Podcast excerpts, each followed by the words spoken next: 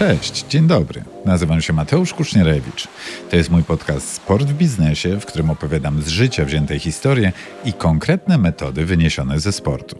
Mogą być dla Ciebie ciekawą inspiracją, zarówno w biznesie, ale też i w życiu prywatnym. Wiosna to taki czas, kiedy stawiamy żagle i rozpoczynamy sezon. Żeglowanie w Europie tym razem rozpocząłem od startu w regatach Alpen Cup, rozegranych na pięknym jeziorze Garda w północnych Włoszech. Przepraszam za to określenie, ale ujmę to tak. Wyszarpaliśmy w tych regatach trzecie miejsce. To był jeden z najcięższych tygodni, jakie miałem od wielu, wielu lat. Dlaczego?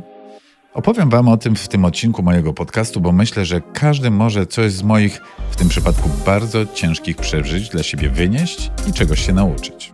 Zapraszam.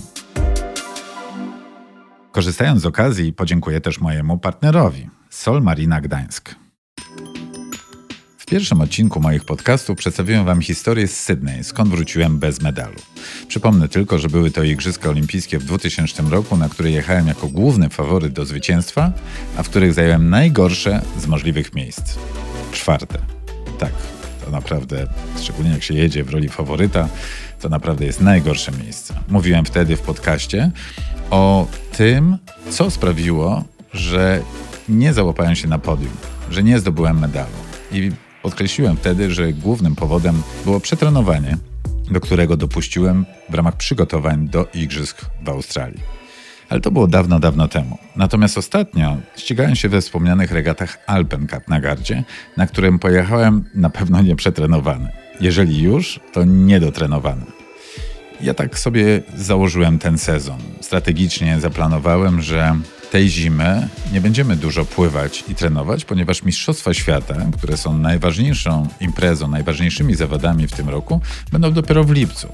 I możemy sobie pozwolić, żeby ten sezon zacząć spokojnie od kwietniowych regat Alpen Cup, później zintensyfikować treningi w maju i w czerwcu, zrobić jeszcze dwa, trzy starty takie kontrolne i wejść w pełni gotowym na start na Mistrzostwa Świata. I na te regaty Alpen Cup, tak jak wspomniałem, nie pojechałem przetrenowany. To nie popełniłem tego samego błędu, co w ramach przygotowań do Sydney, ale niestety dla siebie pojechałem na te regaty zmęczony. Także niewyspany. Po poprzedzających dwóch tygodniach miałem naprawdę bardzo intensywny czas. Miałem cztery wykłady, Zazwyczaj moje wykłady to wykłady motywacyjne, inspirujące pracowników firm. E, to, co ja wynoszę ze sportu, mówię, gotowe metody, konkretne rozwiązania z życia wziętej historii, to jest świetna inspiracja dla innych, którzy mogą przełożyć często to jeden do jednego w biznesie. Czyli cztery takie wykłady w przeciągu tak naprawdę półtora tygodnia. Miałem do tego też trzy webinary, spotkania też ze studentami, jeszcze do tego spotkania w ramach kursu Mistrzu Świata, pracę, dyskusje, wyczerpujące negocjacje w ramach dwóch umów. Na to wszystko nałożyły się dwie noce, w których po prostu prostu nie przespałem moich 8,5 godzin, a tyle potrzebuję, żeby się w pełni zregenerować.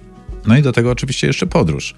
Żeby do tych Włoch się dostać, leciałem przez Monachium, nie zdążyłem na samolot, który zamiast przylecieć o godzinie 14, wylądowałem w Weronie o godzinie 23.30 i jeszcze półtorej godziny dojazdu do hotelu. No, jak się położę po godzinie pierwszej w nocy, a muszę wstać tak jak zwykle przed siódmą, no to sorry, ale nie mam szans się po prostu dobrze zregenerować. I to wszystko sprawiło, że wyszedłem na wodę w pewnym sensie rozładowany. Wiecie, co mam na myśli. Po prostu moje baterie były w słabym stanie, na pewno nie w pełni naładowane. Na dodatek, w trakcie tych regat postanowiłem wstawać rano do pracy, do maili i do dokumentów. Wyglądało to tak, że po śniadaniu uczestniczyłem w umówionych wcześniej spotkaniach online. Kończyłem około godziny 9.30, zamykałem w pewnym sensie biuro i ruszałem do klubu. Szedłem oczywiście przygotować naszą łódkę, zrobić odprawę, rozgrzewkę i wypływaliśmy na wodę, gdzie w tych dniach przed regatami trenowaliśmy, a oczywiście kiedy przeszły już same regaty, no to codziennie o godzinie 11.30 mieliśmy start do pierwszego wyścigu. Po tych wyścigach wracałem do hotelu i po szybkim prysznicu, zamiast jeszcze, że tak powiem, odpocząć chwilę, to siadałem do komputera i też pracowałem. Oczywiście wieczorem, gdzieś około 19.30, wychodziliśmy całym teamem z Przemkiem i Simonem, żeby zjeść kolację to był tak naprawdę jedyny moment jakiegoś luzu, który miałem, ale no, nie ukrywam, to też zawsze jak się wychodzi, to dużo się rozmawia o tym, co się działo na wodzie, co można jeszcze poprawić. To zawsze są emocje związane ze startem, z rywalizacją sportową. No, ciągle się o tym rozmawia, a także jest też dużo innych dyskusji, więc tutaj no, nie ma takiego biernego, spokojnego odpoczynku, tylko także pewna intensywność. A jeżeli jeszcze rozmawia się po angielsku, no to też wymaga to skupienia, bo jak mówię, moi podstawowy język to polski, a po angielsku to nadal trzeba trochę się jeszcze skupić. I byłem przekonany, że spokojnie dam radę to wszystko zrobić. To był taki czas, kiedy faktycznie no, intensyfikacja mojej pracy, obowiązków była bardzo wysoka i nadal jest, ale miałem nadzieję i wręcz tak sobie wymyśliłem, że dam radę i żeglować, i pracować jednocześnie, że znajdę też motywację do zrobienia wszystkiego. Ale prawda jest taka, że nie można oczekiwać od siebie, że będziemy zmotywowani 24 godziny na dobę, bo to tylko może doprowadzić nas do frustracji. To jest zwyczajnie nieosiągalne. Zauważyłem, że motywacja jest bardzo mocno sprzężona z energią, jaką mamy w sobie. To są te nasze siły witalne, które powodują, że jeżeli nasza głowa chce działać i czuje tą energię do, do funkcjonowania, do przenoszenia gór i realizacji naszych celów, to ona, ta motywacja, czy to wewnętrzna, czy zewnętrzna, musi być poparta siłami witalnymi, tą energią, tą możliwością też koncentracji i także konstruktywnego myślenia.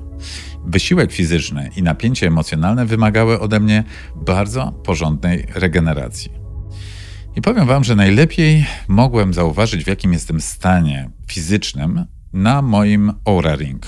To jest taka obrączka, którą noszę na palcu non-stop na lewej dłoni. Na drugim palcu od lewej. Ja właśnie teraz patrzę na nią. Wybrałem sobie kolor srebrny. Wygląda bardzo podobnie do mojej obrączki ślubnej. Akurat nią noszę na prawej dłoni, na drugim palcu od prawej strony. I ja każdego ranka sprawdzam na moim Aura Ring jakość mojego snu i gotowość mojego organizmu do działania. Aura Ring to jest urządzenie elektroniczne, które ma wbudowane w sobie bardzo zaawansowane czujniki. Ma też własną baterię, która po naładowaniu starcza w ogóle na cały tydzień. I ten Aura Ring jest sprzężony Bluetoothem z aplikacją, którą mam zainstalowaną na swoim iPhone'ie. Od razu powiem też, że ja nie mam umowy promocyjnej z producentem tego urządzenia to żeby nie było, że tutaj coś wam promuję, sprzedaję. Nie. Opowiadam tylko o tym, jak ważne dla mnie jest nie tylko samoświadomość i takie jakby wyczucie, w jakim jest stanie mój organizm, ale także, żeby poprzeć to nauką, technologią. I akurat ten Aura Ring, mówię w przypadku takim to wybrałem Aura Ring, natomiast są także inne takie opaski, zegarki też niektóre bardziej zaawansowane mają też czujniki, które też mogą dostarczyć wam te dane. A może jeszcze tylko powiem Wam, skąd znam ten Aura Ring, ponieważ inni sportowcy używają tego. Zresztą nie tylko sportowcy, ale dużo ludzi świadomych biznesu, dużo świadomych ludzi biznesu też z, z tego korzysta i nieraz to w ośle widzę. Aura Ring występuje w wielu rozmiarach, można to siebie dobrać. Na początku tam trzeba zapłacić chyba 250 euro kosztował, a później płaci się po, chyba po pół roku taki abonament miesięczny. No myślę, że to dobry biznes dla producenta również. Pierwszy raz spotkałem się z Aura Ringiem na Igrzyskach Olimpijskich w Tokio, kiedy byłem tam razem z Amborem Bereczem w roli trenera. Temu tematowi też poświęciłem oddzielny podcast, do którego Was zapraszam. Ale wracając właśnie do Ora Ring, to mistrz olimpijski z poprzednich igrzysk, Rio de Janeiro, pokazał mi właśnie ten ring i Santi Lange właśnie powiedział, no, bo ja dzięki temu Ora Ring mam poparcie i świadomość tego, w jakim jestem stanie i na co powinienem zwrócić uwagę. Zresztą ten Ora Ring, dostęp do informacji ma też jego trener, fizjolog i nauczyciel jogi, który jeździ z nim zawsze na każde regaty i na każde zawody. Na tej aplikacji, o której już Wam wspomniałem, która jest sprzężona Bluetoothem z Aura Ring, mam dostęp do bardzo ciekawych informacji. Przede wszystkim to, co mnie najbardziej interesuje, to jest moje readiness, czyli gotowość. Kolejna zakładka, bo mam teraz telefon w ręku i przechodzę sobie przez tą aplikację. Kolejna zakładka to jest sleep, czyli mój sen. Wszystkie informacje na temat snu ostatniej nocy, ale także oczywiście mogę przewinąć szerzej, dalej, głębiej wstecz w poprzednie dni. Kolejna zakładka to jest activity, czyli cała moja aktywność fizyczna. No i na samym końcu jest tak zwany explore, gdzie mogę skorzystać z gotowych sugestii, programów pomagających zasypiać, medytować, oddychać, zasypiać. No i oczywiście nauczyć się. Jest cały dział learn, gdzie mogę też się dowiedzieć w ogóle dużo o zdrowiu, o zdrowym życiu, o normalnym po prostu funkcjonowaniu tak, żeby właśnie wspomagać i zwiększać swoją gotowość, polepszać jakość swojego snu, no i także angażować się w aktywność. Popatrzcie, trzy tylko można powiedzieć bardzo proste informacje: gotowość, sen i aktywność. Ale prawda jest taka, że nic więcej mi na samym początku nie potrzeba, żeby zbudować taką podstawę swojego funkcjonowania. To jest w ogóle super sprawa. I to, co dla mnie najważniejsze, to właśnie jest ta informacja, jak przespałem noc oraz jaki jest wskaźnik mojej gotowości. Idealnie, jak jedno i drugie mam powyżej 90-92%. Ja teraz już jestem o niebo bardziej świadomy i mam większą wiedzę na temat właśnie tych cyfr. Można powiedzieć, że te powyżej 92 to, tak naprawdę, jeżeli to podtrzymuję i mam taki wynik, to jestem w pełni gotowy. Raz miałem 96, do 100% nigdy nie doszedłem, ale obiecałem sobie, że któregoś razu na pewno spróbuję. I jeżeli mam swoją gotowość powyżej 92%, to wtedy powiem Wam, że mogę działać na pełnych obrotach. A wracając do tych regat we Włoszech na jeziorze Garda, to były regaty Alpenka, przyjechałem na nie z poziomem 83% gotowości.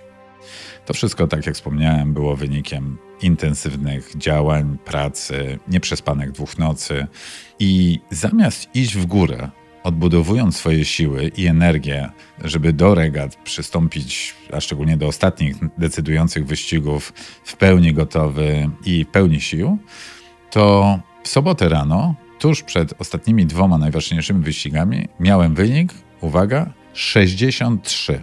Z 83 zamiast wejść na 92, zszedłem w dół nie na siódemki, ale 63.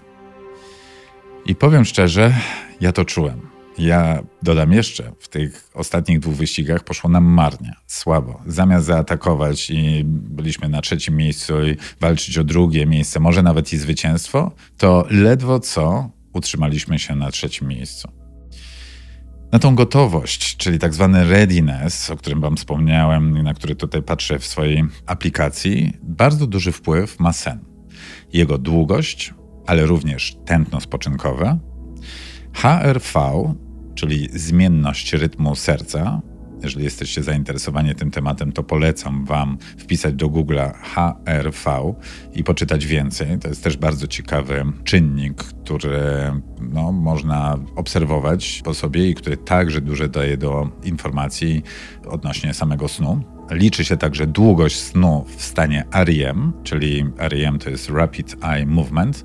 Jest to sen o szybkich ruchach gałek ocznych. Następuje podczas takiego snu REM całkowite rozluźnienie mięśni i to najczęściej właśnie w tej fazie snu śnimy.